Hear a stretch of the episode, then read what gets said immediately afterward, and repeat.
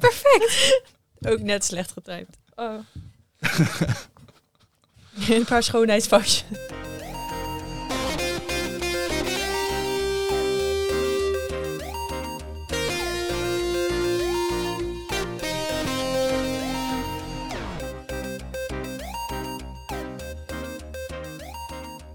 Hey, leuk dat je luistert naar deze aflevering van de Paagman Tipboeken podcast. Mijn naam is David en ik ben jullie host samen met Brit. Ja, ik ben er weer. En eh, we zitten hier vandaag ehm, eerder dan normaal. Want we hebben zojuist pas onze Boek van de Maandvergadering gehad. En gaan nu meteen door in een one-taker voor deze podcast. Maar gelukkig doen we dat niet met z'n tweeën, David. We hebben Laura weer bij ons zitten. Vers uit de discussie. Hoi, Alles gelezen, alles gelezen.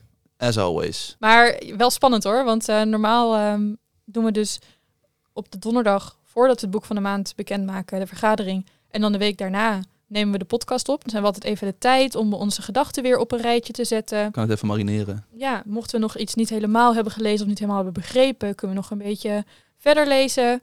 Maar eh, ja, nu gaan we het gewoon eh, redelijk uit de losse pols eh, doen. Ja, nu kunnen jullie Dus, ook wel... mijn show notes zijn ook iets eh, minder uitgebreid dan normaal. Nu kunnen jullie ook iedereen een beetje meenemen in jullie denkproces, normaal. Wat, wat meer open kaart spelen. We zijn natuurlijk ontzettend rigide altijd. Hebben alles klaarstaan. eh minpunten, plus. Nu kunnen we u de luisteraar meenemen in jullie denkproces. Ja, en misschien Vond ik het valt het wel wel. Ja. Misschien switchen we het boek van de maand mid-aflevering. Gewoon zeggen, wacht. Dit is het boek van de maand. Dat zou Als je wel het zo stelt, ja, dan kan ik eigenlijk... Ja, dat zou... eh, Als, dan, als dan. zou ik het zo doen. Ja. Ja. Leuke brug. Gaan we door. David? Oké, eh, ja, want u weet het eh, inmiddels. Elke eerste vrijdag van de maand tippen onze boekverkopers een boek van de maand en andere leestips. En deze maand hebben jullie gekozen voor Als dan, van Aha. Janneke de Bijl. Brandlos. De onder, ondertitel is Een logische roman. Of is dat, ja, is wel de ondertitel toch? Is niet echt onderdeel van de... Ik zou zeggen ondertitel. Ja. Als dan, een logische roman. Het is uitgegeven door uitgeverij Nijg van Ditmar. Ehm, ja, en het gaat over Eefje. Dat is de hoofdpersoon. En zij eh, eh, ja, studeert filosofie in Groningen. Ze zit nu in haar tweede, tweede jaar volgens, Volgens mij toch? wel, ja. Ja, en ze heeft eh, ja, in de eerste jaar filosofie heeft ze er, eh haar vriendje leren kennen, Sjoerd. Eh, en dat is helemaal, helemaal leuk, koek en ei.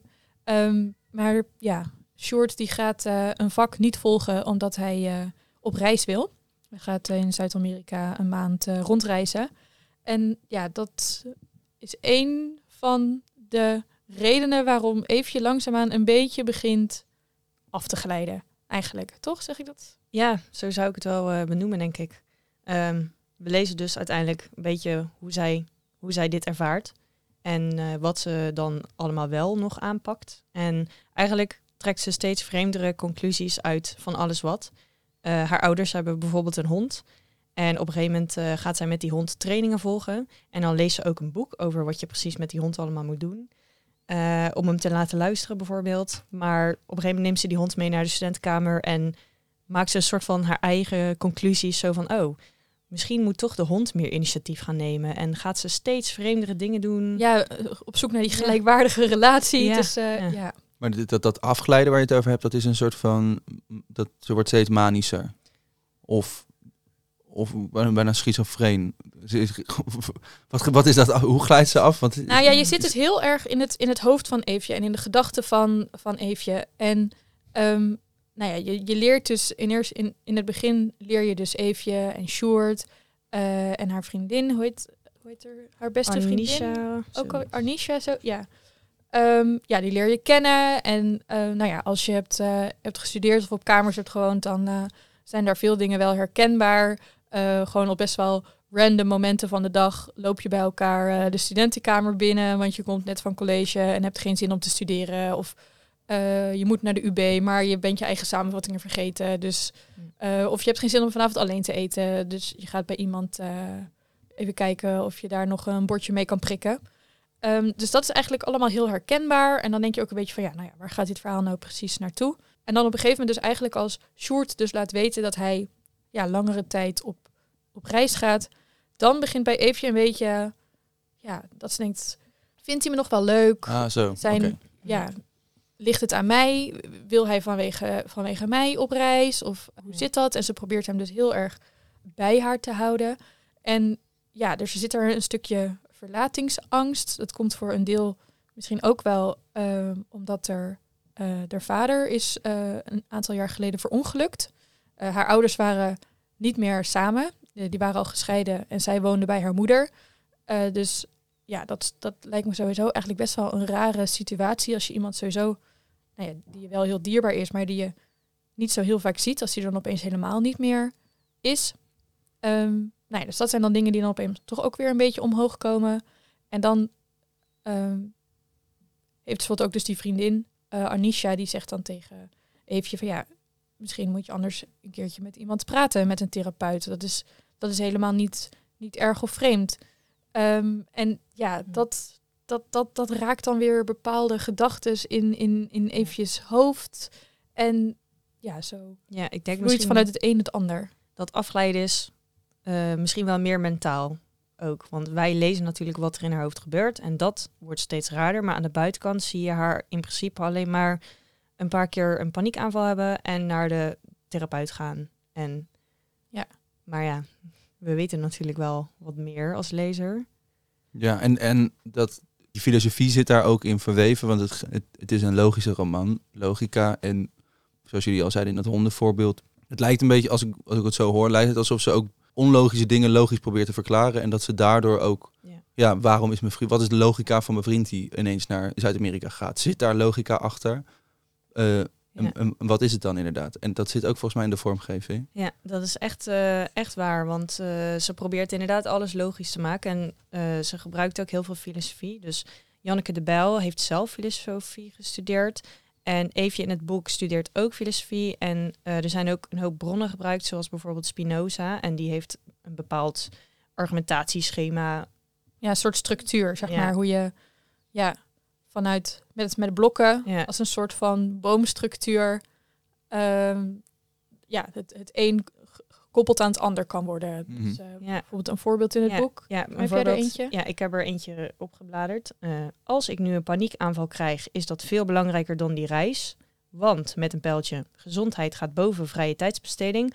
Want met een pijltje, je hoort heel vaak mensen zeggen: als je maar gezond bent, en je hoort nooit mensen zeggen als je maar in Guatemala in een gastgezin hebt gezeten.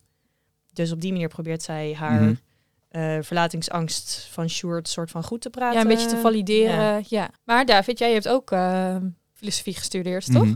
Is dit uh, een vak wat jij ook hebt gehad? ja, zeker. Logica. logica. Ja, zeker. En um, ik heb, ook, ik heb dat zelf ook heel erg, dat ik alles probeer logisch te, vatten. En het is wel heel, ik denk dat het ook origineel is om dat in een romanvorm te verwerken. Logica kan je ook gek maken, omdat het natuurlijk, er zijn heel veel onlogische dingen. En vooral als je die onlogische dingen komt als logisch ingesteld persoon, dan gaat het wringen. En ik denk dat dat ook precies, als ik zo, jullie hoor, gebeurt in dit boek. Ja de onlogische dingen die schoppen een, logi logicus uh, helemaal onderuit. Ja, omdat er dan soms een bepaalde nuance mist of zo. Of dat je... Ja, of menselijkheid. De menselijkheid is niet logisch. De wereld is niet, helemaal niet logisch. Uh, en soms inderdaad die wat als uh, beredenering klopt gewoon soms niet. Heel veel dingen kunnen we niet verklaren, vooral menselijk, menselijk contact niet. Ja, dus dat is te gek. en had je dat toen ook erger toen je dat vak volgde? Dat je dan ook helemaal alles. Uh, ja, ik heb het altijd gehad, maar het is wel erger geworden, inderdaad. Oh, ja. Maar dat doe ik nog steeds. Ik doe het nog steeds. Ik had, ik had het gisteren met mijn, met mijn liefde thuis daarover en die zei ook van je zit altijd al. Zeg gewoon een keer iets emotioneels. Je zit altijd een soort van bomen te maken in je hoofd en, en een soort van routeplanners over argumentatieschema's en weet ik wat. Zeg nou een keer gewoon iets emotioneels. Hou eens op. dus ik kende I Know the Struggle. Maar volgens mij Janneke de Bel is ook bekend als comedienne. Klopt. En dat is dus denk ik ook een. Is dat een groot ding in dit boek? Nou, we hadden het, we hadden het dus uh, net bij de vergadering. Ehm, hadden we het ook over, over de schrijfstijl. Die is vrij uh, droog. En um, ja, ik en Sophie zeiden bijvoorbeeld: ja, ja, we hebben echt wel. Ik vond het echt best wel een grappig boek. En nou ja, Laura viel echt bijna van haar stoel. Die zei echt: grappig. Vonden jullie het grappig? maar ja, er zit, er staat ook op de achterkant een tragicomische roman. En dat, is, dat is zo lastig te vangen wat dat dan precies is. Want nou ja, zoals ze net dat voorbeeld van die, um, van die hond aanhaalde, uh, dat is even, dus op een gegeven moment denkt van ja, ja, eigenlijk ben ik altijd alleen maar aan het bepalen wat we gaan doen. En die hond die loopt achter mij aan. Maar dat is eigenlijk helemaal niet. Ja, hij, hij is ook zijn eigen nou ja, persoon, een soort van. Dus zij gaat dan ook een hele middag dan achter die hond aanlopen. maar ja, zo werkt het natuurlijk helemaal niet. Ja, het is ergens, is dat best grappig. En ook de manier waarop het dus, nou ja, echt op zo'n droogkomische manier wordt opgeschreven. Maar ja, als je eigenlijk verder kijkt, dan is het natuurlijk echt heel zielig. Mhm. Het is, ja, Ja, dat, eh, toen jullie daar op die manier verwoorden, dacht ik ook wel, oké, nu snap ik wel wat je bedoelt. Het is meer de, de gekke dingen die ze dan doet, die gewoon zo raar zijn dat het een beetje grappig is. Maar dat is denk ik Zo. donkere humor dan ook op een manier, toch? Humor waarvan je alleen maar een beetje kan aanvoelen dat je erom mag lachen. Maar eigenlijk is het heel tragisch. Ik had het laatst met een boek van Dostoevsky, volgens mij, de speler, dat hij dan naar dat casino loopt, een boom naast het casino ziet staan. En dan zegt, oh ja, als het niet lukt met gokken in het casino, dan kan ik me in ieder geval nog ophangen. En dan lo- loopt hij weg uit het casino en dan hangt er eentje en dan zegt hij, oh, geen geluk gehad. Eh, Ja. dat is, het is hartstikke tragisch. Ja, het is heel Heel tragisch. heftig. En dat boek gaat over lach ik. gokverslaving. Ja. Maar dat kan je dubbel interpreteren. Het is grappig als jij dan Ja. dat boek hebt gelezen en dacht, wat is hier grappig aan? En anderen la lazen het en denken, op zich wel komisch Ja, ja, dit. ja, ja. Ja. Eh, en, maar we hebben natuurlijk, het speelt zich af op die, eh, haar als op, op, opleiding. Waar werkt het naartoe? Waar, komt, waar is, is de climax? Ja, moeilijk. Want ik vond dus wel ehm, de, de, de climax, of zeg maar waar het eigenlijk verder naar heen ging, vond ik juist wel heel interessant dat ik dat eigenlijk niet wist. En dat vind ik ook, ehm, ja, dat is ook wel echt heel goed aan de flaptekst. Soms, weet je wel, soms heb je van die flapteksten waar dan eigenlijk echt een soort van 80% van het boek al Hmm. eh, op samengevat staat. Mhm. Dus dan is het eigenlijk pas echt in die laatste hoofdstukken dat je iets nieuws gaat lezen. Kijk, tuurlijk wordt natuurlijk dan zo'n flaptekst nog verder ingekleed en zo door alle scènes eromheen. Maar soms weet je gewoon echt al veel. En ik denk wel dat het daardoor voor mij voor zorgde dat ik in het begin van het boek. Ik heb het, zeg maar, het is niet zo'n heel dik boek en ik heb het wel heel langzaam gelezen. Omdat je dus soms toch wat had van. Waar, waar gaan we nou eigenlijk naartoe? Er zat niet meteen een, een dreiging in. Zoals bijvoorbeeld Ik ben er niet van ehm Lise Spit. Wat Mhm. o- ja, ook over iemand gaat die een soort een manische psychose, depressieachtig iets raakt. Ehm, daar voel je vanaf begin af aan al meteen van, oh, hier, hier gaat iets mis. Dit, dit, dit gaat niet goed. En hier is het veel onderhuidser, stiekemer. Dat je eerst denkt van, oh ja, jij wil gewoon, jij bent gewoon verliefd en je wil gewoon je, je liefde niet loslaten. En op een gegeven moment denk je toch, nee, dit is raar. Dat je dit zo, dit is, dat, dit is niet gezond, zeg maar. En dus ik wil eigenlijk ook niet te veel zeggen over waar die climax precies in zit. Ehm, nou, ja, we hebben het al een paar keer over die hond gehad. Dat, dat is wel echt een, eh, een, een, een, ja, een belangrijke eh, turning point. Hoe noem je dat? Ehm, ja, een grote verandering in het verhaal. Waar er Mhm. echt aan een omslag zit dat je denkt van... oh, dit, ja, dit, is, dit is meer dan gewoon de wereld proberen logisch te verklaren. Maar ehm, ja, ben je dat met me eens? Of- Ja, eigenlijk wel precies dat. Het is iets mm, uiteindelijk misschien toch minder plotgedreven, maar meer om hem te laten zien hoe zij denkt en hoe dat dan in principe wel steeds wat erger wordt en zo. Ehm, maar er zitten wel wat eindpunten, climaxen in, maar Ja. ja. En ja, en ik denk als laatste punt dat we altijd bespreken, minpunten. Het is het boek van de maand natuurlijk geworden, maar zit er, zijn er trigger warnings? Zijn er dingen die mensen moeten weten? Waren er dingen die tegenvielen? Eh, persoonlijk, eh, dat filosofie speelt best wel een grote rol. En je moet er maar, ja, het, het stoort helemaal niet. Want je, als je niks ervan weet, dan leer je er wat van en dan vind je dat interessant. Maar eh, dus bijvoorbeeld die argumentatieschema's of zo moet je ook wel door, door kunnen lezen. Ja, je moet er wel voor openstaan of zo. Ja. Omdat, Ja. eh, Maar het voegt wel zeker wat toe. Dus het is niet echt een minpunt, maar het is misschien wel een ding om te benoemen. Ja, laten we dan filosoferen met Janneke de Bel in haar boek Als Dan. We lezen altijd meer, naast het boek van de maand. Zeker. Eh, Wil je daar wat over vertellen? Wat heb je gelezen deze maand? Ja, een ander eh, boek dat we hebben gelezen en graag willen tippen is De Opportunist van eh, Elise Friedman. Het is uitgegeven door HarperCollins en vertaald door Angela Knotter. Het boek, ja, zeg ik heel eerlijk, qua omslag spreekt het mij totaal niet aan. Het is wel echt een beetje zo'n zomerboek. We hebben hem heel handig onder op de stapel gelegd. Dus David is hem nu heel voorzichtig, rustig de stapel eh, tevoorschijn aan het toveren. Er is Oh jee. namelijk... Ja, wat, wat vind jij hiervan, David? Nou, het is een beetje een hybride. Het is half The Summer I Turned Pretty-achtig, maar ook half Emma Klein. Ja. Snap je? Snap ik. Ja. Ja. Maar het zit er net tussen. Het is net beide niet. En dat Ja. is wat je verwacht, maar is dat ook de inhoud? ja, want het gaat dus over eh, Alana Shropshire. Ehm, en eh, zij is onderdeel van een hele rijke familie. Echt steenrijk. Ze heeft eh, twee broers en een, eh, en een vader. Maar daar heeft ze eigenlijk al jaren geen contact meer mee. En haar steenrijke vader heeft zich nu verloofd met zijn bijna 40 jaar jongere verpleeg, verpleegkundige. Hij is 76 en deze verpleegkundige is dus ja, 28, 24, zoiets. En is dus eigenlijk ingehuurd om, om hem te verzorgen, want hij heeft laatst ook een beroerte gehad. Ehm, maar ja, nu zijn ze, zijn ze verloofd en ehm, koopt hij allemaal gigantisch dure cadeaus voor haar, zeg maar hele dure auto's en eh, eh, wat dan ook. Nee, nu zijn ze verloofd en ehm, is er eigenlijk ook een soort van plan om een ja, goede doelen trust fund, hoe heet zoiets, eh, op te richten.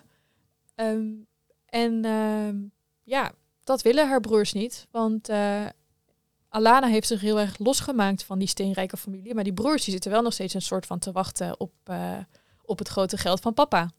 Eh, nou ja, Alana heeft dus ja, jaren geleden dus alle banden met haar familie verbroken. En ze is alleenstaande moeder en ze heeft wel andere dingen aan haar hoofd. Ehm, ja, tot haar twee broers dus bij haar langskomen met het dringende verzoek hun vader te helpen beschermen. Ja, ze laat zich overhalen en vliegt naar het resort waar haar vader verblijft. Eh, maar daar ja, komt ze er toch al snel achter dat niet alles is wat het lijkt. En ehm, ja, ieder zo zijn eigen belangen en een soort van eh, hand met kaarten heeft, eh, die ze zo dicht mogelijk tegen hun borst proberen te houden. Ehm, ja, dan verdwijnt een van die familieleden ook nog eens spoorloos. En ja, dat is eigenlijk ehm, een recept voor plot twists en, en onverwachte, onverwachte wendingen. Ja, ik wou zeggen, heel veel meer moet je misschien niet zeggen. Ik zeg niks. Voor de kijkers van Succession. Of Ja, nee, zeker. Ja, ja, ja, het is echt ehm, voor de kijkers van Succession. En volgens mij staat er op de, Ja, dat op staat de er cover op. van het boek, staat denk ik ook het nest. Zo meeslepend als The Nest, zo sluw als Succession. ah, Ja, de nest, is dat nu is dat ook verfilmd? Ik heb dat boek echt heel lang geleden gelezen. Dat gaat ook een beetje over een, een, een familie. eh, ja, en een beetje als, als shampoo eigenlijk, wat wij eh, vorige maand Ja. hebben getipt. Ja.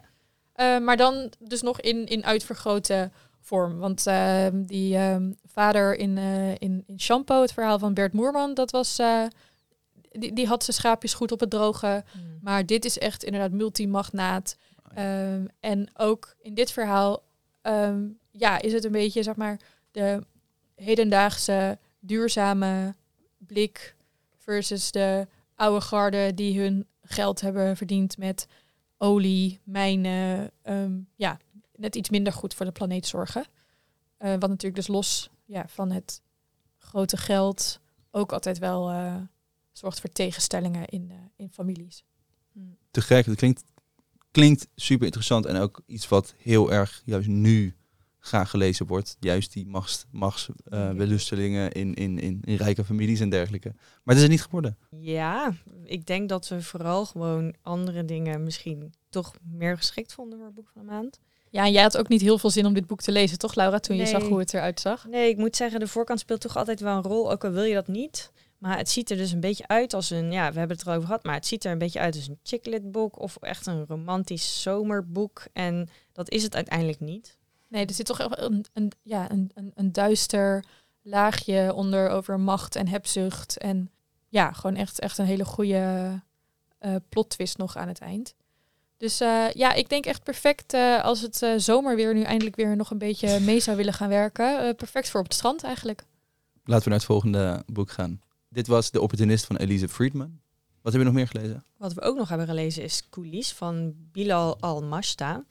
Uitgegeven door uitgeverij Atlas Contact. En dit is een debuut van een Nederlands-Algerijnse schrijver. Eh, het is een eh, origineel boek waarin een verhaal dat zich afspeelt in een Algerijnse keuken wordt vervlochten met een toneelstuk hierover. De titel zegt het ook al. Coulis is eh, onder andere de achterstukken van een theater. Maar het heeft ook weer met eten te maken. In ieder geval de hoofdpersoon Amin was een theaterregisseur. Maar nadat hij een jaar niks heeft gedaan, besluit hij eh, vanuit niks een grote bruiloft te cateren in Algerije.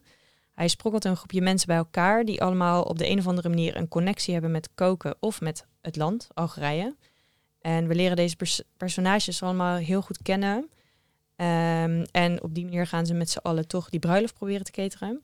Het is dus, zoals ik al zei, een ehm, soort van mix tussen een verhaal in de keuken en een eh, theaterstuk. Dus ook eh, qua vormgeving is het, heeft het, sommige stukken hebben een ander lettertype en die worden dan eerste bedrijf genoemd. En dan krijgen ze ook per personage die wat zegt een soort van ja, script echt. En dan is het weer een eh, personage die geïntroduceerd wordt bijvoorbeeld. En dan is het weer gewoon dat verhaal. Ja, ze heeft wel iets experimenteels een Ja. beetje in vorm. Ja, ik zie het is echt zo'n typ, typemachine. eh Ja, Ja, echt als een script. Ja, te gek. Classic, ja.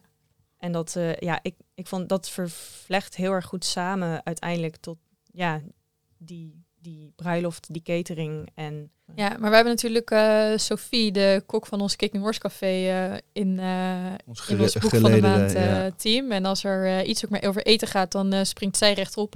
Ehm nou ja, dit gaat dus iets minder over eten dan een kok misschien zou willen. Dus toen was eh, Sophie bijvoorbeeld een beetje eh, teleurgesteld. Teleurgesteld over ja, de er eten. niet. eh, die ja. dacht, waar, waar, waar blijft mijn eten? Ik dacht dat ik van dit boek honger zou krijgen. ja.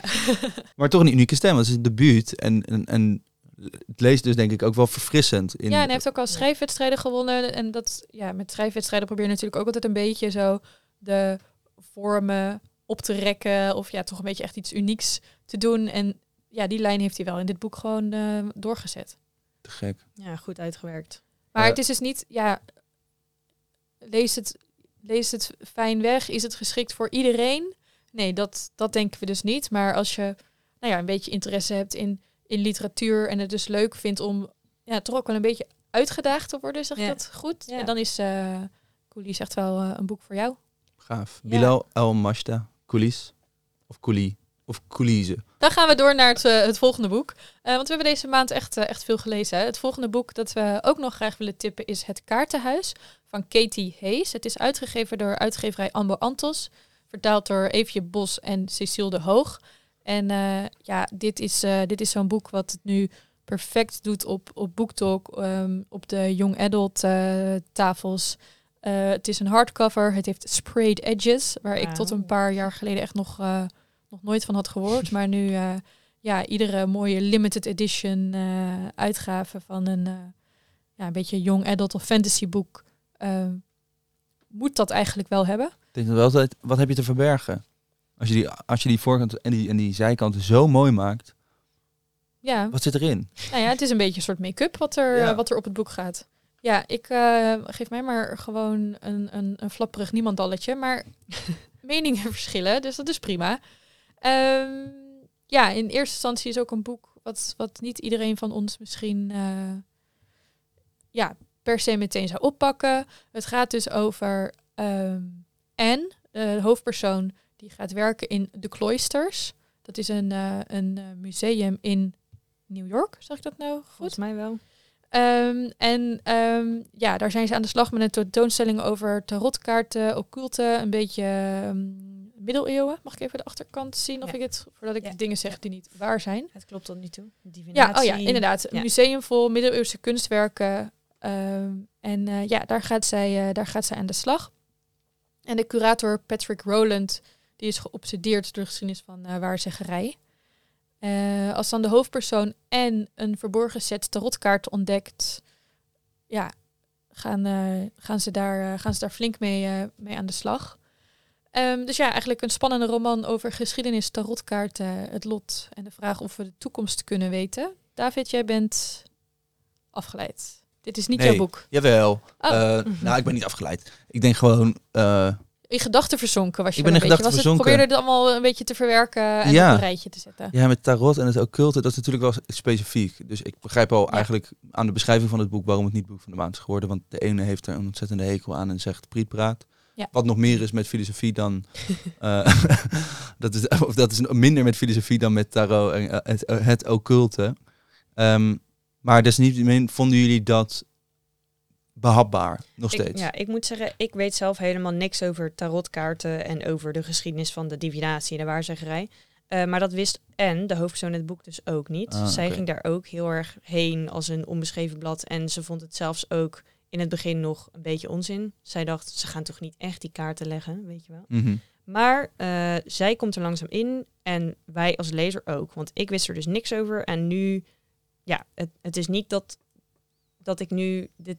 Ja, ik weet, ik, kom, ik weet even niet hoe ik het moet zeggen, maar je kunt er als niet wetende persoon heel makkelijk doorheen komen. Het is, eh, ja, je eerder je... ehm, Je, het is Ja. niet dat je nu echt totale kenner bent, maar Nee. je wordt wel meegenomen in, in die ontdekking van de hoofdpersoon eigenlijk. Ja. om, en je eh, raakt om daar ook meer over dat geïnteresseerd. onderwerp. Ja, er is een kans dat je enthousiast raakt eh, van het boek. Voor tarot en divinatie en dergelijke. Jij hebt thuis een tarot, tarot eh, set. eh, Ik zeg niet dat ik gelijk die kaarten ga leggen, maar ik vind het wel interessant. En het is ook aan, aan het einde van het boek wordt dus ook de betekenis van elke kaart een beetje uitgelegd wauw. en dat soort dingen. Kijk, dat hoef je dus allemaal niet te lezen, maar het, het speelt een rol in het boek, maar het is ook niet dat het alleen maar daarover gaat.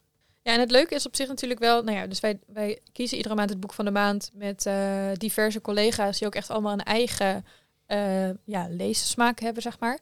Ehm, en voor een deel van ons was dit echt iets van, wow, we hebben nog nooit zoiets gelezen. En ja, nou ja, we zaten wel een beetje van, waar moeten we dit boek nou in, eh, in plaatsen? Want het is dus wel, ehm, het is niet door een uitgeverij uitgegeven die normaal Young Adult uitgeeft, maar ja, het zit wel een beetje gewoon ook qua, qua ja, stijl van het verhaal, zeg maar, eh, in die hoek. Maar dus voor ons was het wel van, oh, dit is wel iets, iets nieuws of zo. En ehm, we hebben ook een collega die wel heel veel young adult leest. En die zei, ja, ik, ik herkende in sommige delen wel ehm, andere young adult boeken. Of, Mhm. eh, of ja, toch wel van, oh ja, in deze stukken was het toch wel een beetje Donatar, The Secret History. Duidelijk dat deze auteur dat boek ook heeft gelezen. Ehm, dus ja, zo krijg je dan toch ook weer een ander, ander perspectief van, eh, ja, van iemand anders die, die totaal andere dingen heeft gelezen.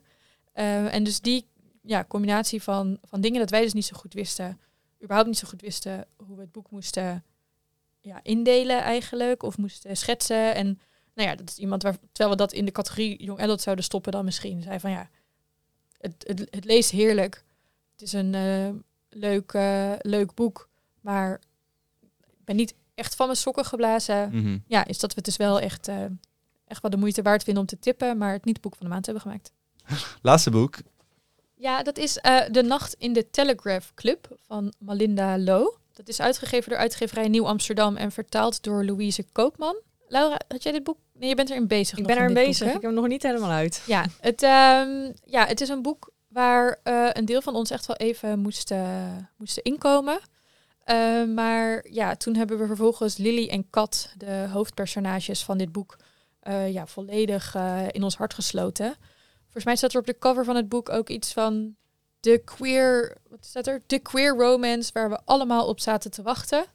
Yo. Ehm, ja, je wist het niet. Maar eh, ze, de, de voorkant zegt het, dus dan is het vast waar. Vast waar. Ehm, nou ja, dus dat is. eh laat ook twee, twee meisjes zien die in een, in een steegje ehm, in een grote stad. ehm, ja, het gezellig hebben met elkaar. ja, toenadering zoeken. Toenadering zoeken. Ja, dus dat, dat, dat, dat schetst natuurlijk al wel heel erg van waar het, eh, waar het boek over gaat. Ehm, ja, het speelt zich af in de, in de jaren 50 in San Francisco. San Francisco. En ehm, ja, de Telegraph Club is een eh, queer lesbische club. Er is daar een mannenimitator, Tommy Andrews, die daar heel regelmatig optreedt. En eh, deze twee hoofdpersonen, Lily en Cat, die eh, raken daar een beetje door bedwelmd en eh sneaken dus af en toe s'nachts ehm ja, het huis uit om, om naar die club te gaan. Op zich is dat natuurlijk allemaal niet, ja, klinkt niet per se misschien heel uniek. maar vooral het feit dat het dus in de jaren 50 afspeelt. Eh, dus tijdens de at- atoombommendreiging eh, en het communisme. En Lily een eh, Chinees meisje is. eh, en ook echt in Chinatown van San Francisco woont. Dat zorgt er vooral voor dat er eigenlijk echt een, een extra laag in het verhaal zit. Ehm, ja, waardoor er ja, wa- wat nog, nog een aantal dingen wel extra bemoeilijkt, zeg maar. Ja, dus dan ben je eigenlijk ook een intersectioneel hip woord verhaal in de zin van en queer en een migratieachtergrond. Ja. En Ja. misschien ook een klasse, een sociale, andere sociale, economische klasse Ja. in Chinatown. Ja. En daarvan de strijd, denk ik. Of de, de struggle. Klopt. Ja, en dat, ja, je, je, je gaat gewoon helemaal met Lily en Cat mee. En dus in die ontdekking van hun ja, eigen queerheid. Ehm, en ondertussen nog ook dus al die andere struggles die ze hebben. Eh, Lily gewoon dus naast dat ze, nou ja, dus een soort van ontdekking doet dat ze eh, lesbisch is, eh, moet ze sowieso maar, ja, krijgt ze constant op zich van, nee, je bent een goed Chinees meisje, dit is hoe je je moet gedragen, eh, maak je familie niet te schande. Ehm, nou ja, ook dus als ze eigenlijk vooral dus buiten Chinatown komt, verder in San Francisco, dat toch, ja, ehm, mensen toch wel een beetje raar naar de kijken eigenlijk. En ja, daar toch wel een heel, heel aantal microagressies zitten die vandaag de dag eh, we echt totaal niet meer zouden accepteren. Maar ja, die dus in de jaren 50 eh, eh, ja, nog wel een soort van normaler werden gezien. Ehm, en ik denk ook nu met, ehm, nou ja, dat we toch in sommige landen zien, of ook in Amerikaanse staten, waar dan eh, bepaalde homowetten toch weer een soort van worden teruggedraaid of aangescherpt. Ehm, ja, blijft het wel ook gewoon echt een, een relevant verhaal. Juist dus ook omdat het dus in die geschiedenis zit dat je denkt van, oh ja, we zijn vooruit gegaan sinds die tijd. Eh, ja, Dus zeker het tippen waard. Maar niet boek van de maand omdat. omdat het toch, nou ja, eigenlijk net zoals een beetje als het kaartenhuis, het zit een beetje richting het jong adult-achtig Mhm. aan, zeg maar gewoon in de verhaallijnen mist er soms toch net dan een echte diepgang of ja, schuurt het voor ons denk ik net niet. Ja, want ik denk dat we daar nog even naar terug moeten. Naar het bespreken van de nacht in de Telegraph Club van Melinda Low. Ons boek van de maand. Want we gaan hem afsluiten met nog één keer een, eh, een opfrisbeurt. Ja, dat is een, eh, een lang verhaal kort. Als je dus deze maand ehm, ja, gewoon eigenlijk wel een beetje uitgedaagd wilt worden eh, qua ja, hè, filosofische thema's, maar ook gewoon stiekem soms, stiekem soms echt oprecht eh, even wat lachen, omdat er toch wel ook een beetje een tragicomisch eh, rare scènes in zitten, dan, eh, ja, dan is als dan van Janneke de Bel het, het boek voor jou. De logische keus, denk ik. De logische keus. Hele ja. logisch. Onder de streep. Op welke plek in je leestapel gaat het boek, David? Nou ja, we hoorden al dat ik een enorme affiniteit met, met het onderwerp heb. Dus hij komt op de stapel. Ik ga eerst nog even een hele hoop boeken. We hadden het er vorige maand nog over. Ik heb nog steeds twintig boeken die ik heb bewaard voor de zomer. Dus ik Ja. ben nu al gek aan het lezen. En ik ben al gestrand in een ander boek. Maar gisteren weer eentje uitgelezen. Ik ga heel veel Tsjechisch lezen. En dan komt als dan op de veertiende plek. Mooie veertiende plek Nou, van de netjes. 150. Hè? Dat is dus... eh, Dat is zeker netjes. Ja. Nou, leuk. Ja, en wil je meer weten over de boeken die Paagman tipt? Op paagman.nl slash podcast is alles terug te zien. Of schrijf je in op onze nieuwsbrief. Ja, en volg ons ook op social media via Paagman. Eh, daar delen we ook nog veel meer andere boekentips. Luisteraars, bedankt. David, Laura, bedankt. Jij ook. En eh, hopelijk tot een volgende keer. Ciao! Super en bedankt.